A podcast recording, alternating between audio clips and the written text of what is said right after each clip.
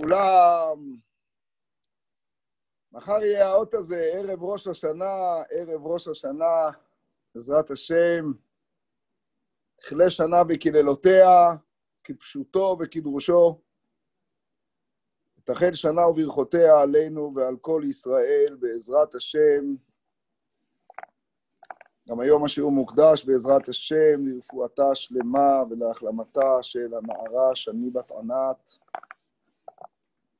הוא מוקדש גם לרפואתם השלמה בעזרת השם של כל חולי ישראל, שנזכה כולנו באמת לשנה של רפואה שלמה, ושל בריאות טובה, ושל גאולה שלמה, של כל הבשורות הטובות. וזה גם ההכנה למה שאני רוצה לעסוק בו הפעם. אני רוצה לדבר על משהו שהוא מאוד מאוד פשוט, אבל הוא לדעתי הכי חשוב בעולם, והוא הכי חשוב שיכול להיות בכלל בעולם ערב ראש השנה, וערב ראש השנה תשפ"א, יותר מאי פעם, בתוך כל הקורונות האלה והסגרים. חז"ל כבר אמרו על הפסוק, קרום זולות לבני אדם. אלו דברים שעומדים ברומו של עולם, רום, ובני אדם מזלזלים בהם. נוטים ככה, ולא לזלזל במובן השלילי חלילה, לזלזל. ומה זה הדברים העומדים ברומו של עולם ובני אדם נוטים לזלזל בהם, אומרים חז"ל? תפילה. תפילה. וזה הנושא שאני רוצה לדבר עליו היום. קודם כל, אני אגיד דוגרי. בתוך כל הקורונה וכל הסגרים וכל הדיבורים, ובוודאי שצריך את כל הזהירות כמו שצריך, אבל אין דבר שצריך היום יותר מאי פעם להתחזק בו מבתפילה. תפילה באמת. השנה, כשראש השנה תשפ"א חל בשבת, ותוקעים בשופר ביום השני, שהוא ב' בתשרי, אז נשאר לנו ביום הראשון של ראש השנה, שזה פלא בפני עצמו, נדבר על זה קצת בהמשך, יום תרועה. נשארה לנו רק תפילה. תפילה על שופרות. אין שופר, אין את הכלי. אנחנו השופר. כשופר הרימי קולך. כך מתאר הנביא את התפקיד שלנו. ואולי דווקא כשאין את השופר בפועל, אולי, אולי אפשר להגיע לפנימיות העוד יותר פנימית של כוח התפילה שבא לידי ביטוי בשופר. עוד נדבר על זה עוד שנייה.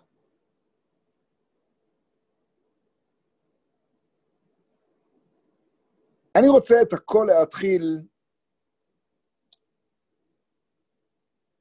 מהפיוט המופלא והמוכר לכולנו, אשכנזים, ספרדים. דיברנו עליו טיפ-טיפה ככה בחבורה הקטנה אתמול. ככל שאני נכנס אליו יותר, אני חושב שנפתחים בו עולמות בלי סוף. היום הרת עולם. את הפיוט הזה אנחנו אומרים אחרי תקיעות במוסף, גם בלחש, גם בציבור. היום הרת עולם, פיוט שמחברו לא ידוע, נעלם. זה יפה שהפיוט היום הרת עולם, מחברו נעלם. היום יעמיד במשפט כל יצורי עולמים, אם כבנים, אם כעבדים. פיוט קצר, כולם זוכרים אותו. אם כבנים, רחמנו כרחם אב על בנים. ואם כעבדים, עינינו לך תלויות עד שתכוננו ותוציך אור משפטנו. וכאן יש שתי גרסאות. באשכנז וגם עם הניגון היפה מסיימים, היום קדוש. ובנוסחאות הספרדים, וזה אפילו נראה יותר במי שמכיר פיוטים דומים, המילה היום לא מופיעה, נכון? מופיעה רק המילה קדוש בסיום. נכון, עמנואל? כך ראינו. עד שתכוננו ותוציך אור משפטנו, קדוש. וכל הפרשנים דנים, מה פירוש היום הרת עולם? דיברנו השבוע על זה שבכלל, ראש השנה הוא לא יום בריאת העולם, אלא יום בריאת האדם. טוב, נכנסנו לעניין הזה, ניכנס אליו שוב מהקשרים נוספים עוד מעט. אבל הוא ודאי לא היום הרת עולם.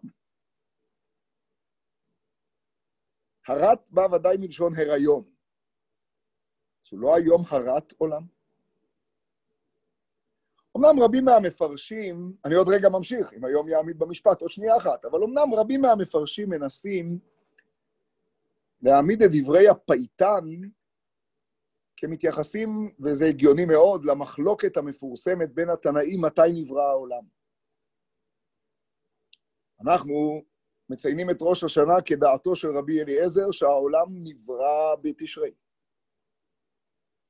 דעת רבי יהושע, העולם נברא בניסן. לדעת רבי יהושע שהעולם נברא בניסן, הוא עלה במחשבה בתשרי. הוא עלה במחשבה, ויש מי שאומרים שהיום הרת עולם, היום התחיל ההיריון. היום התחיל ההיריון של הכל, הרעיון, ההתחלה של כל הסיפור.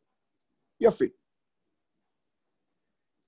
אבל גם אז ממשיכה השאלה את אותה שאלה. אז זה לא היום, זה בקפה. האמת, עוד לפני שניכנס לביטוי, האמת של המושג הרת ללדת, הרה, יש שתי אפשרויות. או הרגע שבו התחיל ההיריון, או הרגע שבו מסתיים, נשלמים ימי ההיריון ומתחיל העולם, או מתחיל האדם. הנה פסוק בספר שמואל, ובפסוק הזה כתוב, אחרי שעלי, זה אגב אחרי כל סיפור תפילת חנה, שעוד מעט ניכנס אליה, היא תהיה מרכז השיעור שאנחנו נדבר בו בעזרת השם, תפילת חנה והתפילות, תפילה, תפילה, היום נעסוק בלהתפלל. אבל רגע, רגע, אחרי סיפור חנה, מסופר איך כל זרע עלי, כל משפחת עלי הולכת ונעלמת, ושם מופיע סיפור מזעזע.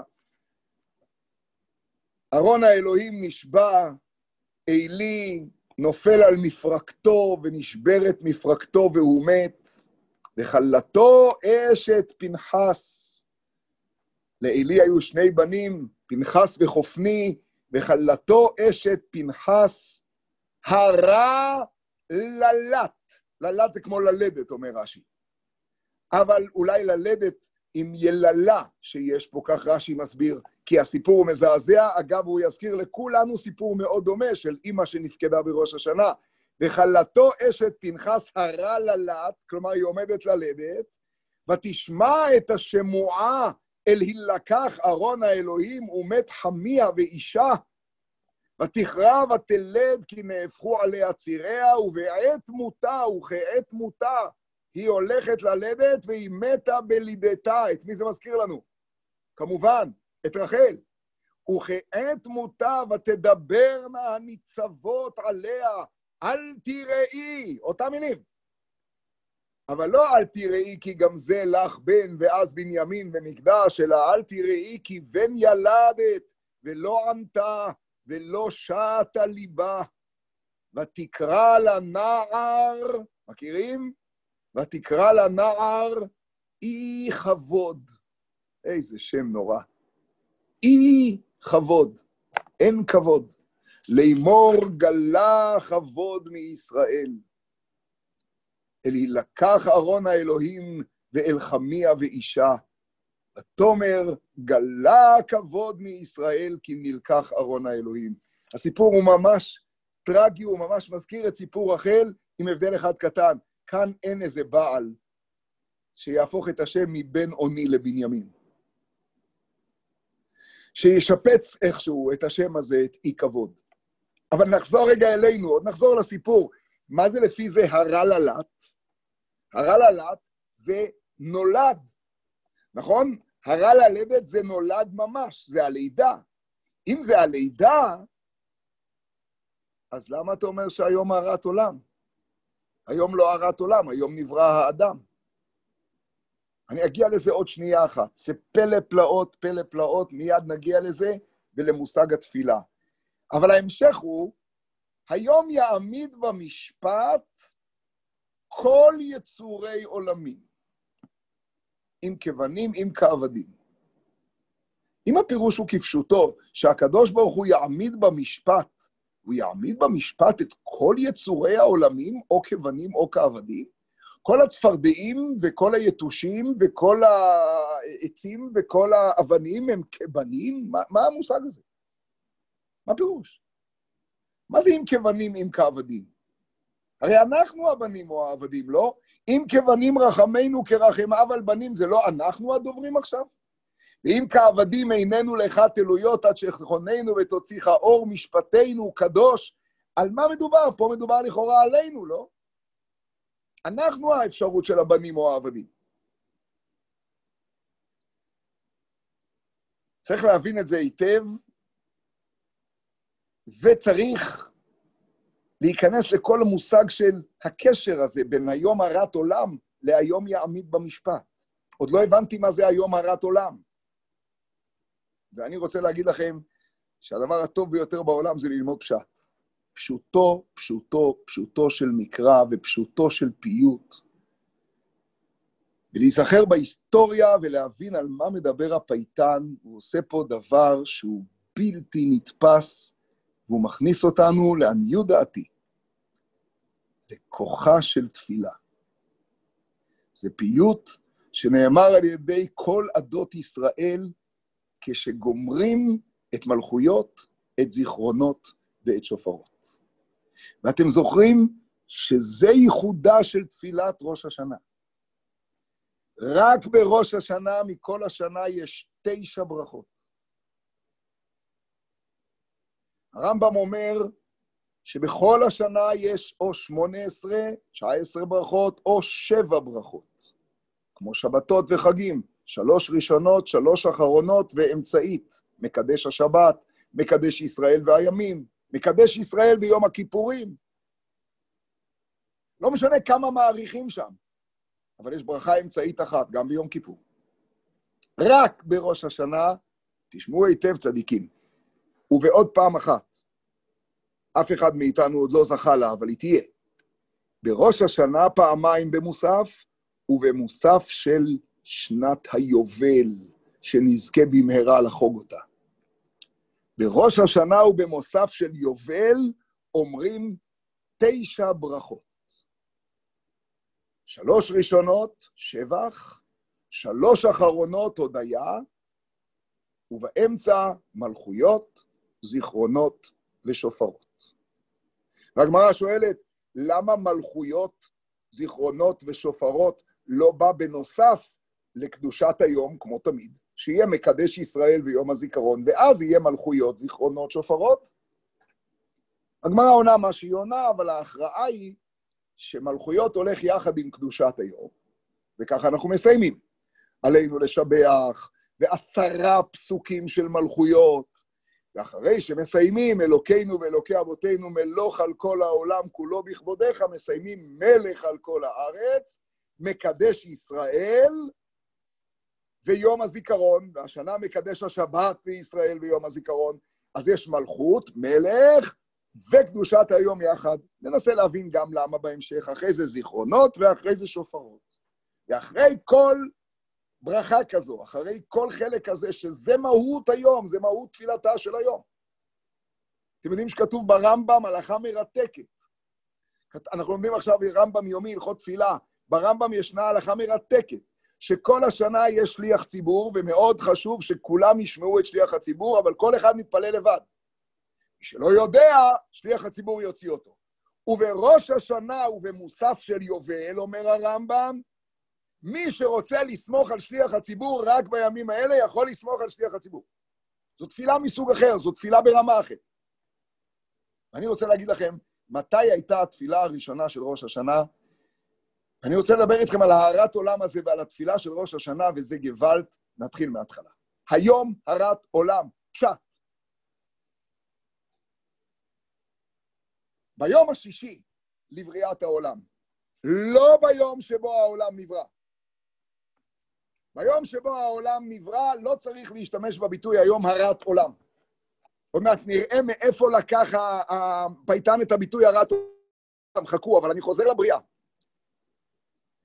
ביום השישי מסופר כך: אלה תולדות השמיים והארץ, בראשית פרק ב', פסוק ד'. בהי ברעם ביום עשות השם אלוהים ארץ ושמיים. עכשיו, לא מדובר על היום הראשון, מיו תראו. וכל שיח השדה טרם יהיה בארץ. וכל עשב השדה, זוכרים? טרם יצמח. כי לא המטיר השם אלוהים על הארץ, ואדם אין לעבוד את האדמה. ולכן צריך לברוא אדם. אז מה עושים? ועד יעלה מן הארץ וישקע את כל פני האדמה. הקדוש ברוך הוא מעלה את התהום, משקה את העננים כדי לשרות את האפר, ומגבל את האפר, לש אותו, לש את העיסה, ועושה עכשיו אדם. וייצר השם אלוהים את האדם עפר מן האדמה, ויפח באפיו נשמת חיים, ויהי האדם לנפש חיה, והוא שם אותו בגן עדן, ויניחהו בגן עדן לעובדה ולשומרה. מצוין. עכשיו תשימו לב. זה היום השישי. מה בעצם רואה האדם כשהוא נברא? למה שיח השדה לא צומח? למה עשב השדה לא יוצא ומציץ החוצה? אומר רש"י, הרי ביום השלישי כבר הנשיאה הארץ והוציאה הארץ ותוצא הארץ דשא עשב זרע מזריע זרע. מה חסר? ומה הקשר לאדם אין לעבוד את האדמה? אומר רש"י, ואת הציור הזה צריך לשים אליו לב, זה ציור יסודי יסודי. כשהאדם מופיע ביום השישי בחצות היום בבריאה, הוא רואה עולם שלם, מבצבץ ועוד לא יוצא מפני האדמה. הוא רואה את כל העולם, את כל עצי השדה, טרם. רש"י מסביר, טרם הכוונה עדיין, פוטנציאל. עוד אין מטר. שמתם אגב, אגב פעם לב למילים האלה? טרם ומטר, אותן אותיות בדיוק, כמו גשם והגשמה, להגשים. כל העולם הוא טרם, כל העולם הוא פוטנציאל. והמטרה, זה אגב אותה מילה, המטרה של הכל זה שהמטר ירד, ואז כל הטרם, כל הפוטנציאל הזה יופיע. אתם יודעים, אגב, איך קוראים לדבר הזה? הרע ללדת. זה הרת עולם. זה רגע לפני הלידה, זה רגע לפני ההופעה. היום הרת עולם. היום ביום השישי. העולם קיים בבטן, באדמה. הוא מבצבץ, תראו את רש"י, עדיין לא צמח. ובשלישי שכתוב התוצא הארץ לא יצאו, אלא על פתח הקרקע עמדו עד היום השישי. ולמה? כי לא המטיר. ומה טעם לא המטיר? לפי שאדם אין לעבוד את האדמה. מה פירוש? ואין מכיר בטובתן של גשמים, וכשבא אדם וידע שהם צורך לעולם, תשמעו את המילה, התפלל עליהם, וירדו וצמחו האילנות והדשאים. לא רק כתוב פה מה עשה האדם פעם ראשונה, כתוב פה לשם מה האדם נברא. האדם נברא לשם מטרה אחת, להתפלל. פשוטו של מקרא. מה זה להתפלל? אנשים מתבלבלים. ישנן שתי מצוות נפרדות לחלוטין. להתפלל זה ודאי, זה גם, אבל זה לא. יש מצב שהאדם מתפלל כי יש צרה והוא מבקש לתקן צרה, לזעוק בשעת צרה, למלא חסר. רעי ואהוביי, התפילה הזו שהרגע תיארתי, זה לא מצוות התפילה. זאת מצווה מפורשת שמופיעה בפרשת בהעלותך בספר במדבר, ושם כתוב, וכי תבואו מלחמה בארצכם על הצר הצורר אתכם, והריעותם בחצוצרות.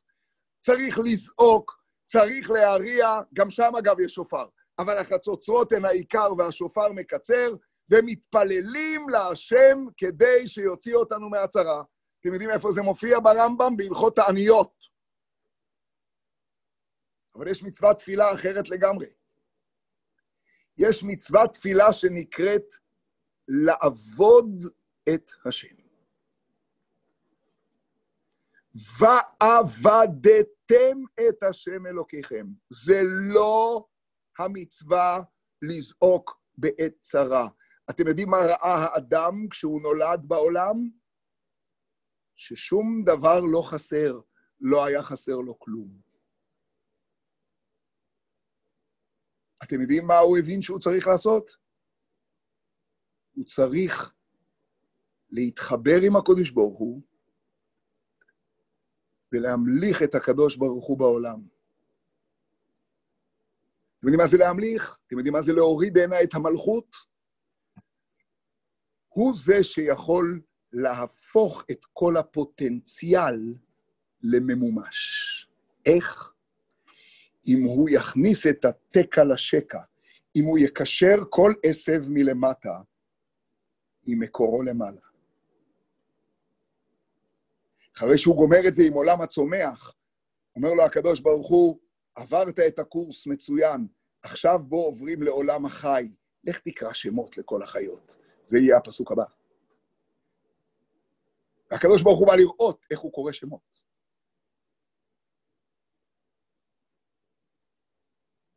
זה דבר שהוא פלאי. אני רוצה רגע לעצור לשנייה ולחזור עוד שנייה לפרשה הזו, אבל רק שנייה אחת. ההבדל בין תפילה של זעקה, של בקשה, של מילוי חסרים, לבין התפילה הזאת, הוא הבדל במהות של המצווה. הרמב"ם מגדיר את מצוות התפילה בתחילת הלכות תפילה.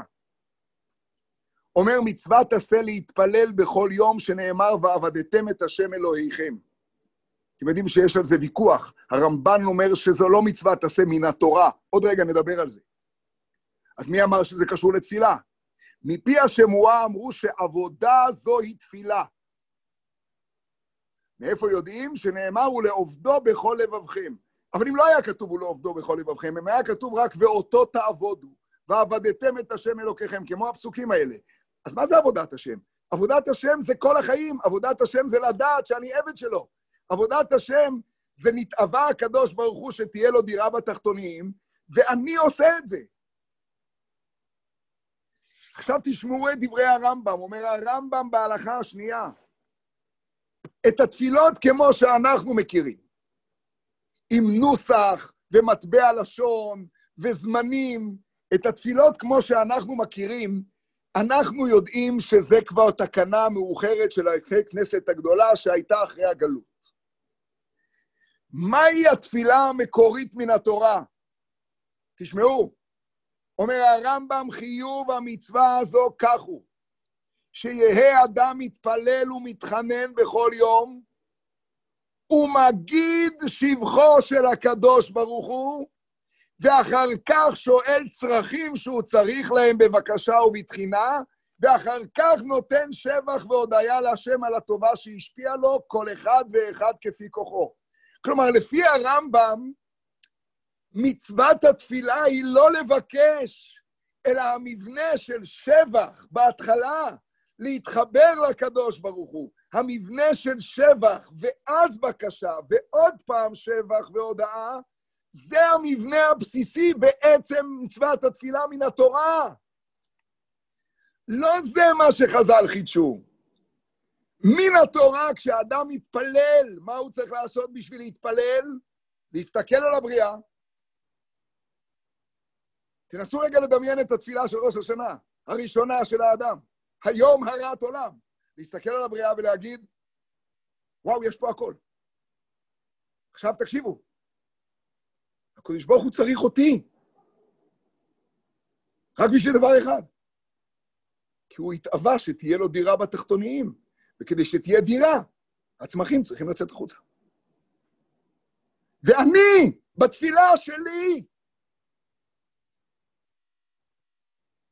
מכניס את הקודש ברוך הוא לכל העולם, ונותן לכל העולם חיים, וכל העולם מתחדש. אז מתי הערת עולם? בכ"ה אלול? מה פתאום, בכ"ה אלול היה עולם פוטנציאלי. היה עולם הריון. אתם יודעים מה זה הריון? הריון זה רעיון.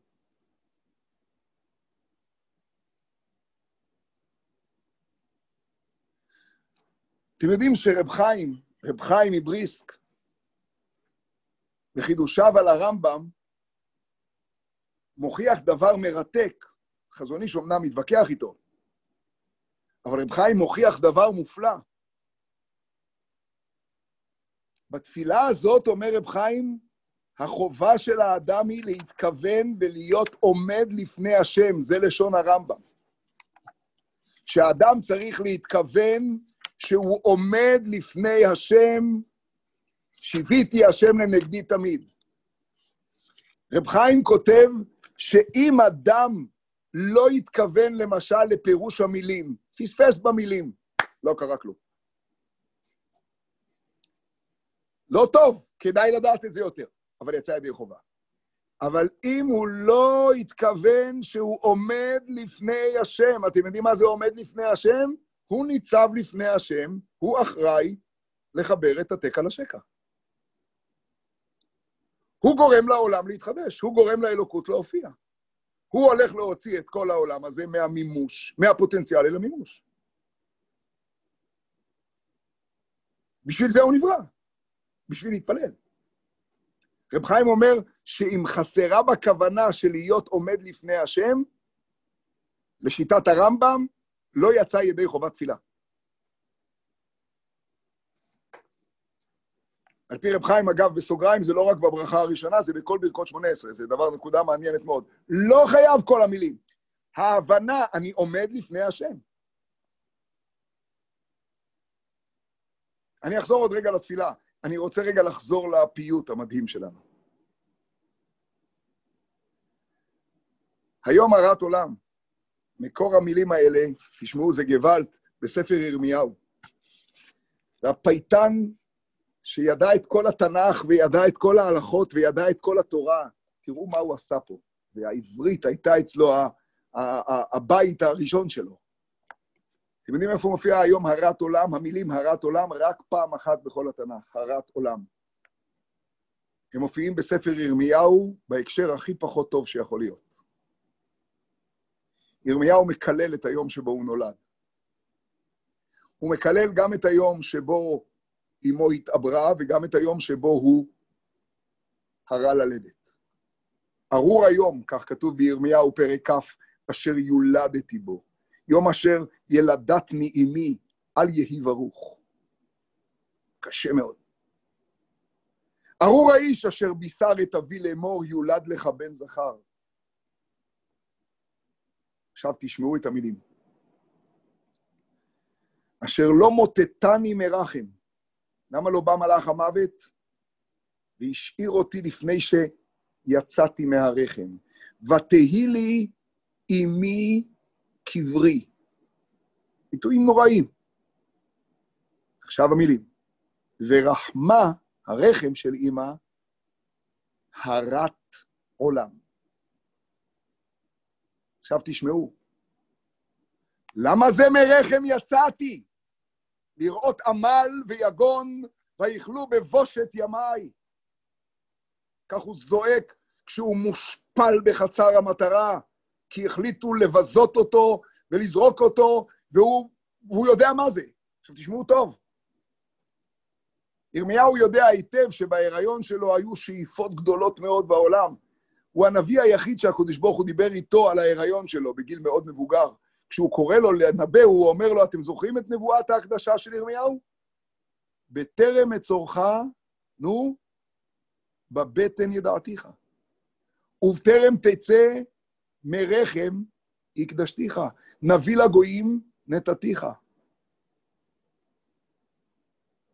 אתם יודעים מה פירוש המילים?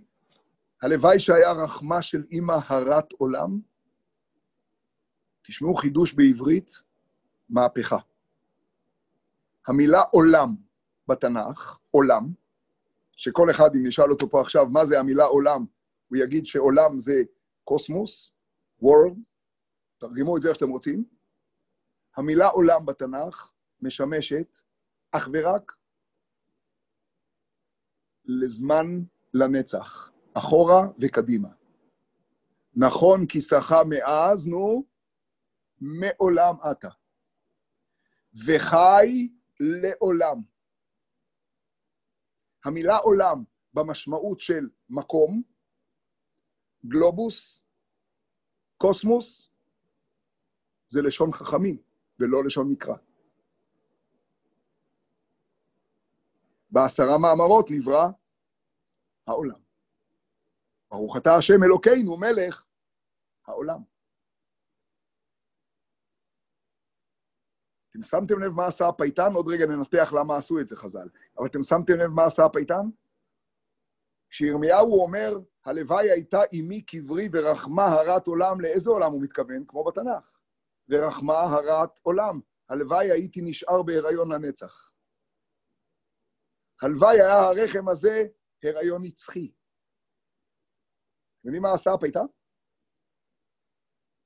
הוא לקח את שתי המילים הכי מדכאות, והפך אותן לשתי המילים הכי משמחות בהיסטוריה. היום, הרת עולם. אתם שמתם לב מה הוא עושה?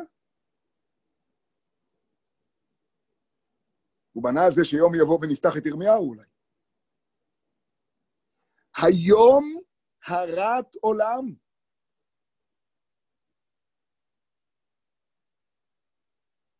נכון, אומר המתפלל.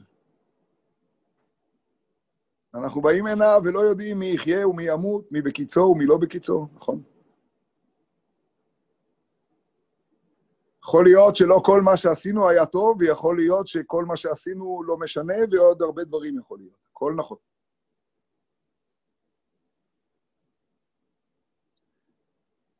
אבל ריבונו של עולם, היום הרת עולם. היום יצא העולם לאור. איך? כי התפללתי. מה איך? אני הוצאתי את העולם מהפוטנציאל המציאות. מה איך? אתה בראת פוטנציאל. אני התפללתי. היום הרת עולם. תשמעו, זו מהפכה.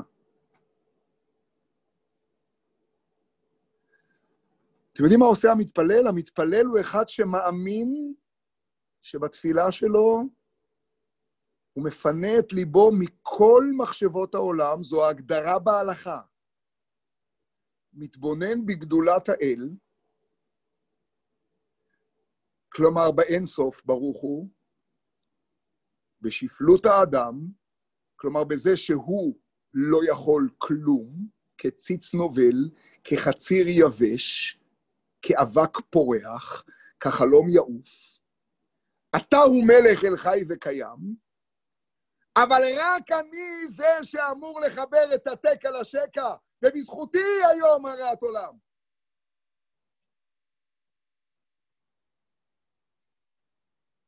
כי כל עוד לא היה אדם לעבוד לעובדה ולשומרה, ויניחהו בגן עדן לעובדה ולשומרה, אז העולם לא הרע ללדת.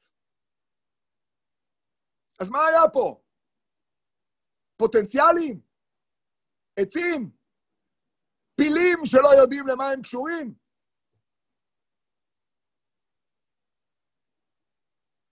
את המצווה הזו שנקראת לעבוד את השם, כי אתם יודעים מה זה להיות עבד של השם? עוד שנייה נבין את זה עם כבנים, עם כעבדים.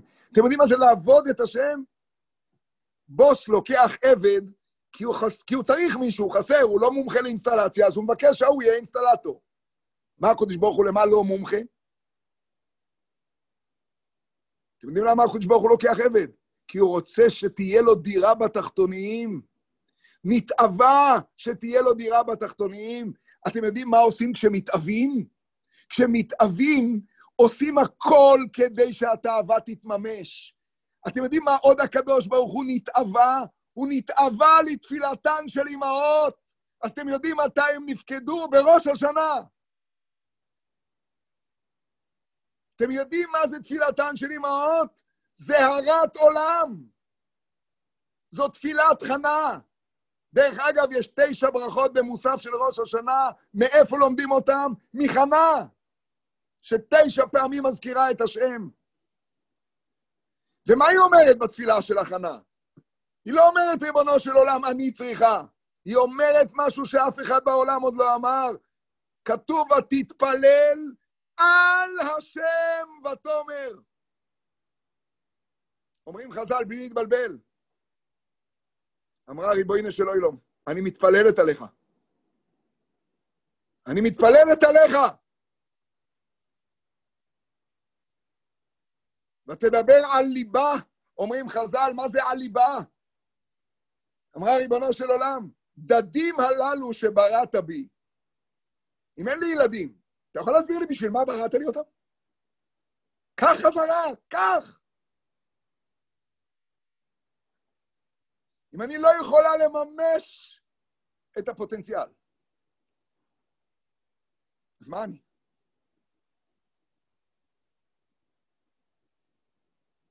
ממנה לומדים לא רק את תשע הברכות של ראש השנה, ממנה לומדים איך להתפלל. כל הלכות תפילה במסכת ברכות נלמדות מחנה. אתם יודעים למה? כי היא בתפילה שלה עוסקת רק בדבר אחד. היא לא מתפללת כי היא חסרה. היא משבחת את הקודש ברוך הוא ואומרת, ריבונו של עולם, אני גם אראה לך שאני לא חסרה. הילד הזה שייוולד לי, אני מחזירה אותו אליך. כל ימיו הוא שאול להשם. הוא לא שלי. זאת עקדת יצחק. הוא שלך. איזה מזעזע זה שמיד אחרי סיפור חנה, אשת פנחס הרע ללדת. וחנה לוקחת את הילד הזה ומביאה אותו לבית המקדש, ומביאה אותו לעלי, כמו שכולנו זוכרים, וקוראת לו שמואל, וכבר דיברנו על זה יותר מפעם, כי הוא שאול להשם, אז שאלנו הרבה פעמים, אז הייתה צריכה לקרוא לו שאול. היא קוראת לו שמואל כי היא אומרת, שמו אל. הוא יממש את הפוטנציאל. הוא ירים קרן למלכו וירם קרן משיחו. זה סיום תפילת חנה. הוא יביא לעולם את שאול, הוא יביא לעולם את דוד, הוא יגלה לעולם משיח, הוא יגלה לעולם את הפוטנציאל שלו. ותתפלל חנה.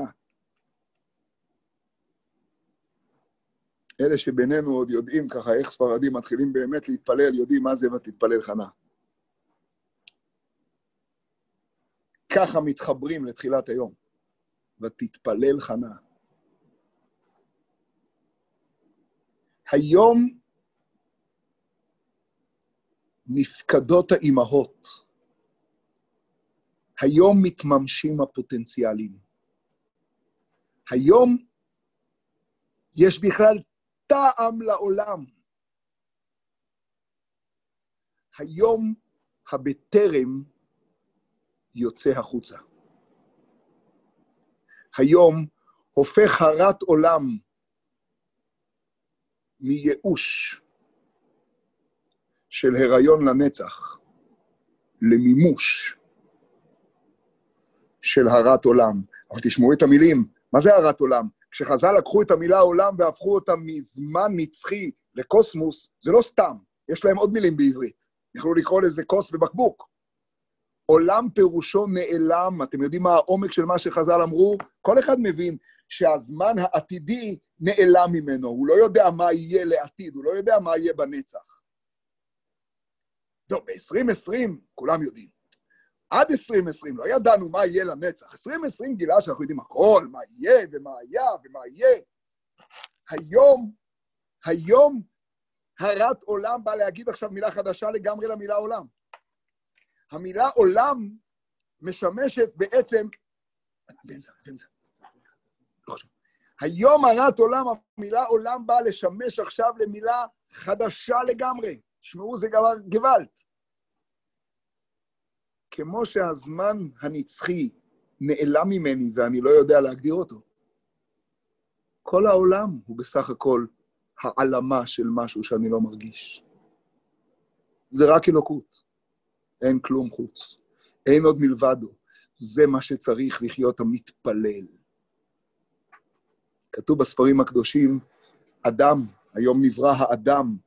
אתם יודעים מה זה אדם? אדם, שלוש אותיות, נכון? א', ד', מ', נכון? א', ד', מ', נכון שלכל אות יש את החוץ והפנים? החוץ של א' זה א', והפנים, ל', פ'. נכון? א'. הבנתם מה אני אומר? החוץ של ד' זה ד', והפנים, ל' ת', ד'. בסדר? ומ' זה מ'. כל האותיות הפנימיות של אדם נותנות לך את המילה מתפלל. זאת מהות האדם. כל השאר מעטפות. חשובות מאוד. ואז אפשר להבין את החצי השני של הפיוט, וזה לא פחות מגוואלד. היום יעמיד במשפט, שאלנו את מי, מי כבנים, מי כעבדים? הרי אנחנו הבנים והעבדים, לא הצפרדעים והקרפדות. הם יצורים. תשמעו. כשאדם כועס על אה, ילד קטן בן שנה, הוא לוקח אותו למשפט? אה? הוא אומר לו, בוא נלך למשפט? כשבעל מלאכה מאוד מאוד מאוכזב מהשולחן שהוא יצר, אז הוא לוקח את השולחן למשפט? הרי אם אני כזה שפלות האדם, ואני כזה גורנישט, ואני כזה כלום, ואני כזה עפר, אז איך אתה לוקח אותי למשפט? הרי אני כגמול עלי אמו, אני תינוק, ואתה הקודש ברוך הוא, אז למה אתה לוקח אותי למשפט? ראיתם פעם אימא שלוקחת את התינוק כגמול עלי אמו, כגמול עלי נפשי למשפט? אני לוקחת אותו למשפט כי הוא ינק לא טוב. תשמעו, זה גוואלד. אם הקודש ברוך הוא לוקח אותנו למשפט, ואתם יודעים איך אני יודע שהיום הוא לוקח אותנו למשפט? תקשיבו, זה לא ייאמן. פעם ראשונה מופיע השם אלוקים, בבראשית הופיע רק אלוקים, נכון? פעם ראשונה מופיע י' כ' ו' כ', השם אלוקים, בפרשה שלנו.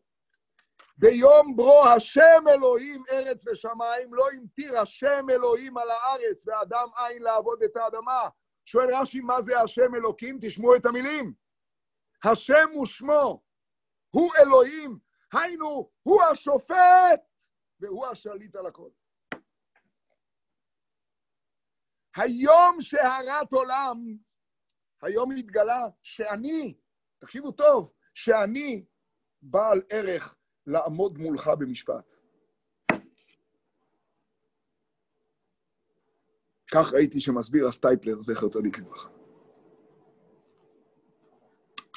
היום שהתגלה שאתה ריבונו של עולם, בראת את הפוטנציאל, ואני עשיתי את מימושו של העולם, היום התברר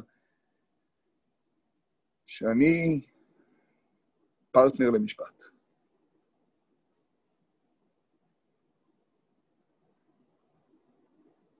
ואני למשפט הזה יכול להגיע כאחד משניים.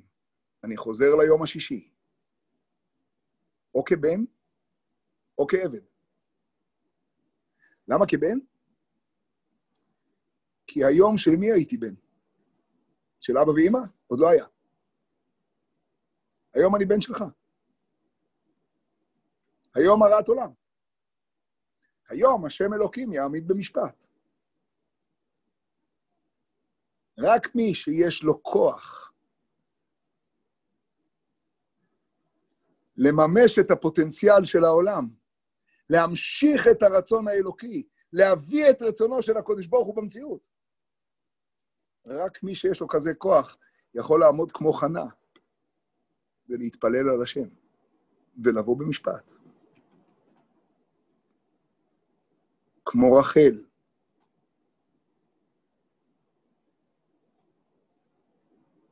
ועם עין מתה אנוכי, כמו שרה. רק האימהות שלקחו את הבנים שלהם, זה שממנו נולד העם הנבחר, זה שהתחיל את עם ישראל בכלל, זאת חנה שהביאה את המלכות לעולם, את המשיח דרך שמואל. רק האימהות שלקחו את הבנים שלהם ומסרו אותם להשם.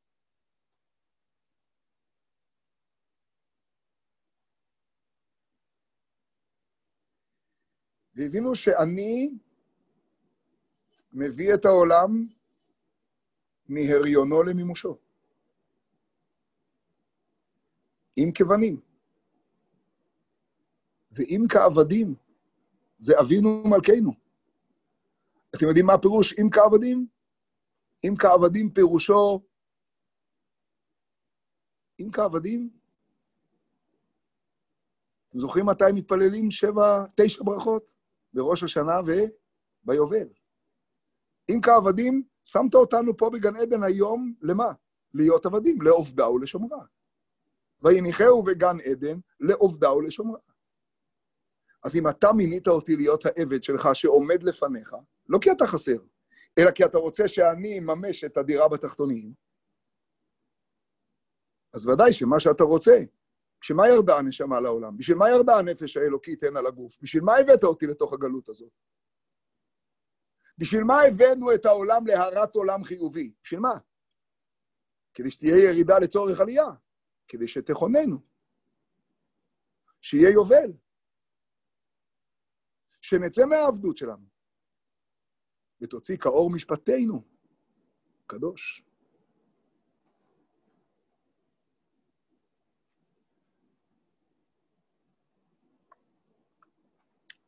אתם יודעים שבשבת שחל בו ראש השנה, לא תוקעים בשופר, אבל אומרים את פסוקי שופרות, אומרים את פסוקי מלכויות, זיכרונות ושופרות. וזה דבר מאוד מעניין. אני לא נכנס לדיון ההלכתי. הבנתי שבשבת שחל בו ראש השנה שחל בשבת, סליחה, לא תוקעים בשופר. בסדר, לא נכנס עכשיו לדיון. קיבלתי, ככה לימדו אותנו חז"ל. תוקעים ביום השני. קיבלתי, גמרנו. אז למה אומרים מלכויות, זיכרונות ושופרות אם לא תוקעים בשופר? גם שלא יגידו. ושאלה שנייה, אני מבין שזה דומה למשל לזה שבשבת סוכות, אם חל סוכות בשבת, לא לוקחים לולב. הבנתי? אבל אתה לא אומר שאם חל סוכות בשבת, אז לא יושבים בסוכה. הרי היום הזה הוא יום תרועה. כל עניינו של היום הזה זה שופר. אז מה פירוש ראש השנה בלי שופר? זה כמו סוכות בלי סוכות. אז בואו נעשה בט"ו בשבט ונחגוג ביחד. בפורים, שחל בשבת, לא קוראים מגילה. הבנתי? אז קודם כל, לא אומרים פסוקים על המגילה. לא קוראים מגילה, נגמר. א', ב', לא מבטלים את סעודת פורים. או-הו, שבת שפורים חל בה, וואו, וואו, וואו, וואו, וואו, מי שירושלמי ויודע מה זה פורים משולש, זה הכי טוב המשתה של שבת הזאת. מה זה פורים? לא מפריעים במקרא מגילה. זה בלי, אין פקקים.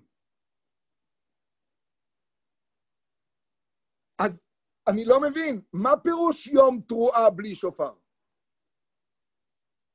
ואם בלי שופר, אז למה כן מזכירים את המלכויות והזיכרונות והשופרות? ואני רוצה להגיד לכם משהו שנשמע קשה, אבל הוא גוואלד. תשמעו טוב. חז"ל אומרים, למה צריך להגיד מלכויות, זיכרונות ושופרות? חז"ל אומרים את המילים הבאות. אמר הקדוש ברוך הוא, אמרו לפניי בראש השנה מלכויות, ואנחנו יודעים שבכל אחת מהברכות יש עשרה פסוקים, נכון? זיכרונות ושופרות, וחז"ל מפרטים. אמרו לפניי מלכויות כדי שתמליכוני עליכם. יפה. זיכרונות כדי שיעלה זיכרונכם לפניי. אני רוצה לזכור את הברית, לזכור אתכם. ובמה? בשופר. רגע, זה לא מקבילה. לא אמרו לפניי שופרות.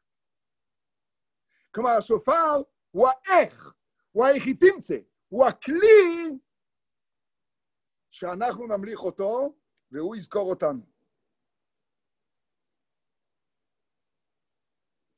כמו לכל מצווה, יש את חיצוניות המצווה ויש את פנימיות המצווה.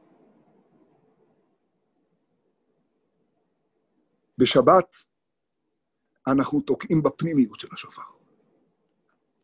בשבת אנחנו השופר.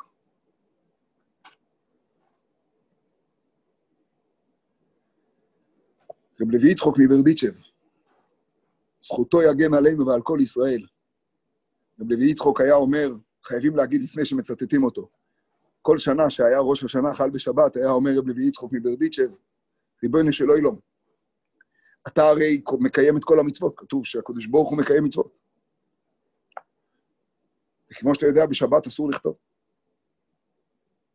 בראש השנה פתוחים ספרי דין וספרי חיים ומתים, אבל בשבס אסור לכתוב. אבל אם זה פיקוח נפש, אז מותר. זאת אומרת, היום בשבת של ראש השנה שחל בשבס אפשר לכתוב רק פיקוח נפש, אפשר לכתוב. ואותו רב לוי יצחוק, צדיק יסוד עולם, המשיל פעם משל מופלא, שהוא יהיה התשובה לשאלה ששאלנו, הוא יהיה הסיכום של כל מה שדיברנו. משל שונה מהמשלים הרגילים של תקיעות שופר. הוא אמר פעם משל, מה זו תקיעת שופר? מלך אחד הלך לטיול וטעה ביער. והוא טעה ביער, וכשאתה מלך ואתה טועה ביער, זה לא עוזר שאתה מלך. הוא פגש שם איש חכם ונבון, היחיד שהכיר את המלך. והאיש החכם הזה בחוכמתו ידע איך נמלטים מהמקום, והוא ידע את נתיב היציאה מהיער, והוא הוציא אותו מהיער, והוא הוליך אותו לארמון. והוא לא עצר. טראומה לא קלה למלך לטעות ביער, לקח אותו לארמון, הושיב אותו על הכיסא, והלך חזרה. המשרתים של המלך מאוד שמחו שהמלך בא, אבל לא כל כך שמחו עם האיש המוזר הזה, שהיה נראה להם איזה כפרי מהיערות, יותר איש יערות כזה, שיחזור למקום שהוא בא. זה יפה מאוד שהיה לו איזה קוריוז כזה עם המלך, זה נחמד, שיעשה תוכנית חיים שכאלה כשיהיה בן מאה, אבל הוא לא שייך פה לאזור הארמון. הם ראו שהמלך התאהב בו יותר מדי. הוא שלח לקרוא לו, והעלה אותו בדרגות לאט-לאט, ולא תמיד זה מצא חן בעיני כולם. האמת, שהוא באמת היה איש יער.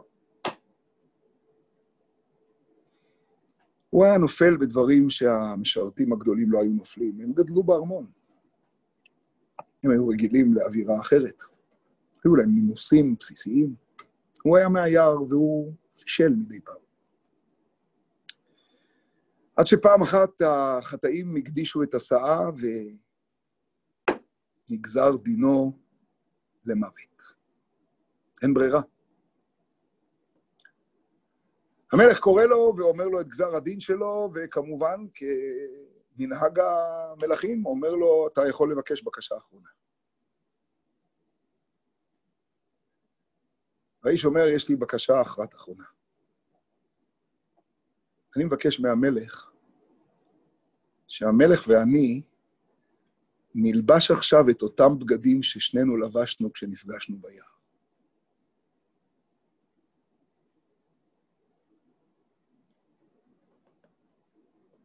בקשה האחרונה חייבים לקיים. המלך נענה לו.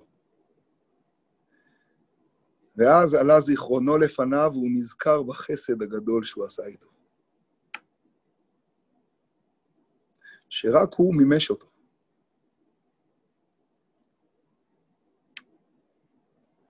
ואז רחם הרחמנו, הוא ריחם עליו, זכור אזכרנו, והוא ביטל את העונש והושיב אותו על כנו.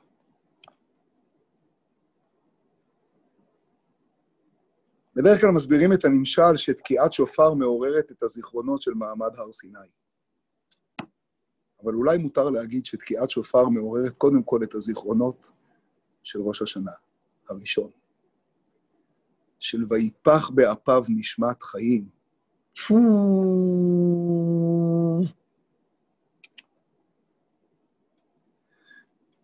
של הבריאה היחידה הייתה עפר מן האדמה, איש יער. לא אינטליגנטי, לא מתורבת. שאז נפח בו הקודש ברוך הוא נשמת חיים, והם נהיו תאומים. אתם יודעים למה אסור להשאיר אדם נסכל שהוא תלוי על העץ? כי קללת אלוהים תלוי. אתם יודעים מה הפירוש? כתוב שיבואו ויגידו שחס ושלום צלם אלוקים. רש"י אומר, משל לאדם שנתפס לליסטות, והיה לו אח צדיק, וכל מי שיראה את הליסטים הזה תלוי יגיד על הצדיק. ככה קודש ברוך הוא ואנחנו. אתם מקשיבים טוב למה שאמרתי? רש"י אומר שני אחים.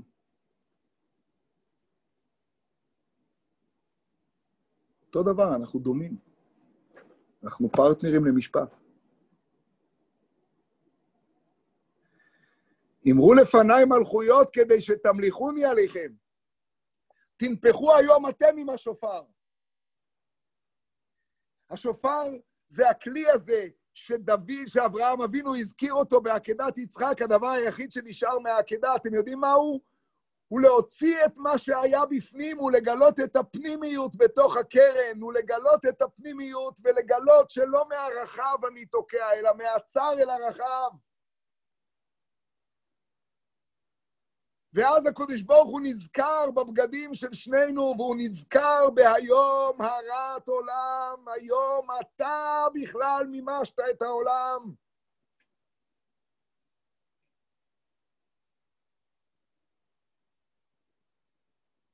ואז הזיכרון הזה, זה דבר מופלא, הזיכרון הזה מעורר אצל המלך את הגעגוע, את הרחמים.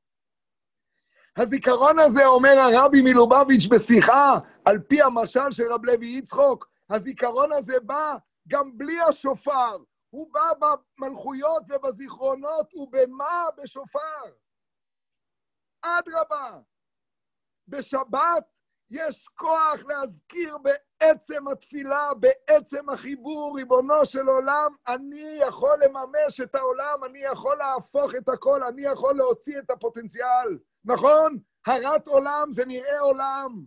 הכל נראה מבולבל, קורונה, בלגן, הכל נראה בלגן, אבל אני יכול לעשות הרת עולם, זה אני פה. אתה זוכר אותי. אתה זוכר כל יצורי קדם.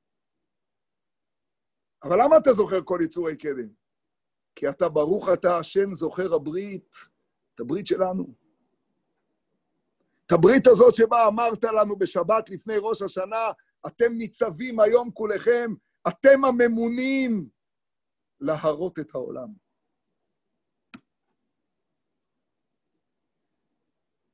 ממילא, כשאין בראש השנה שופר, לא יתבטל ראש השנה. השופר הוא הדרך לתקוע בחיצוניות. בשבת קודש. השופר הוא הקול הפנימי שיוצא בלי השופר.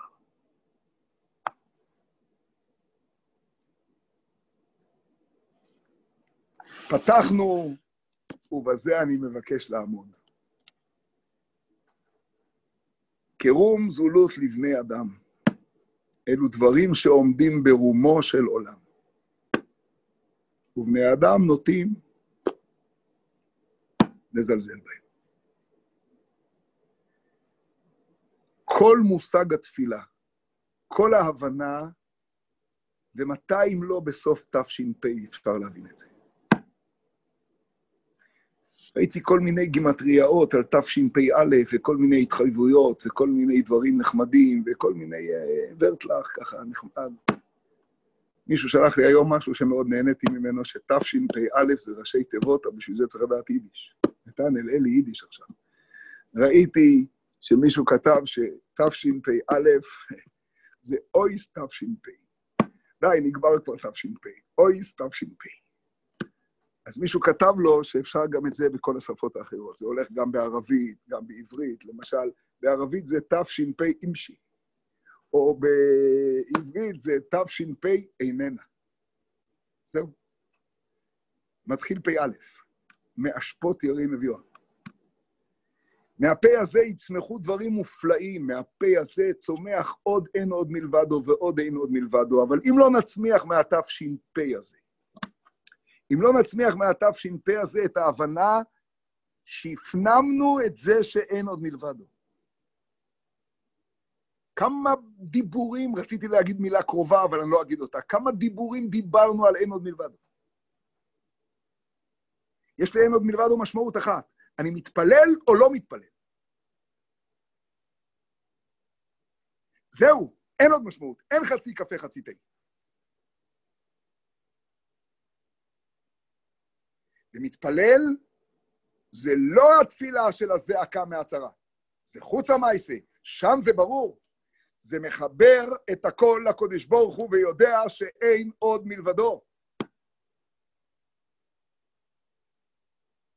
ויודע שהיום הרת עולם, והיום זה כל יום.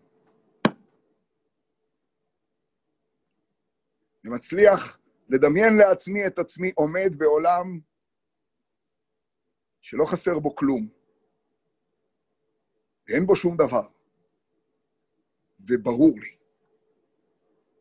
שאין לי שום כוח, אבל הכל תלוי בי.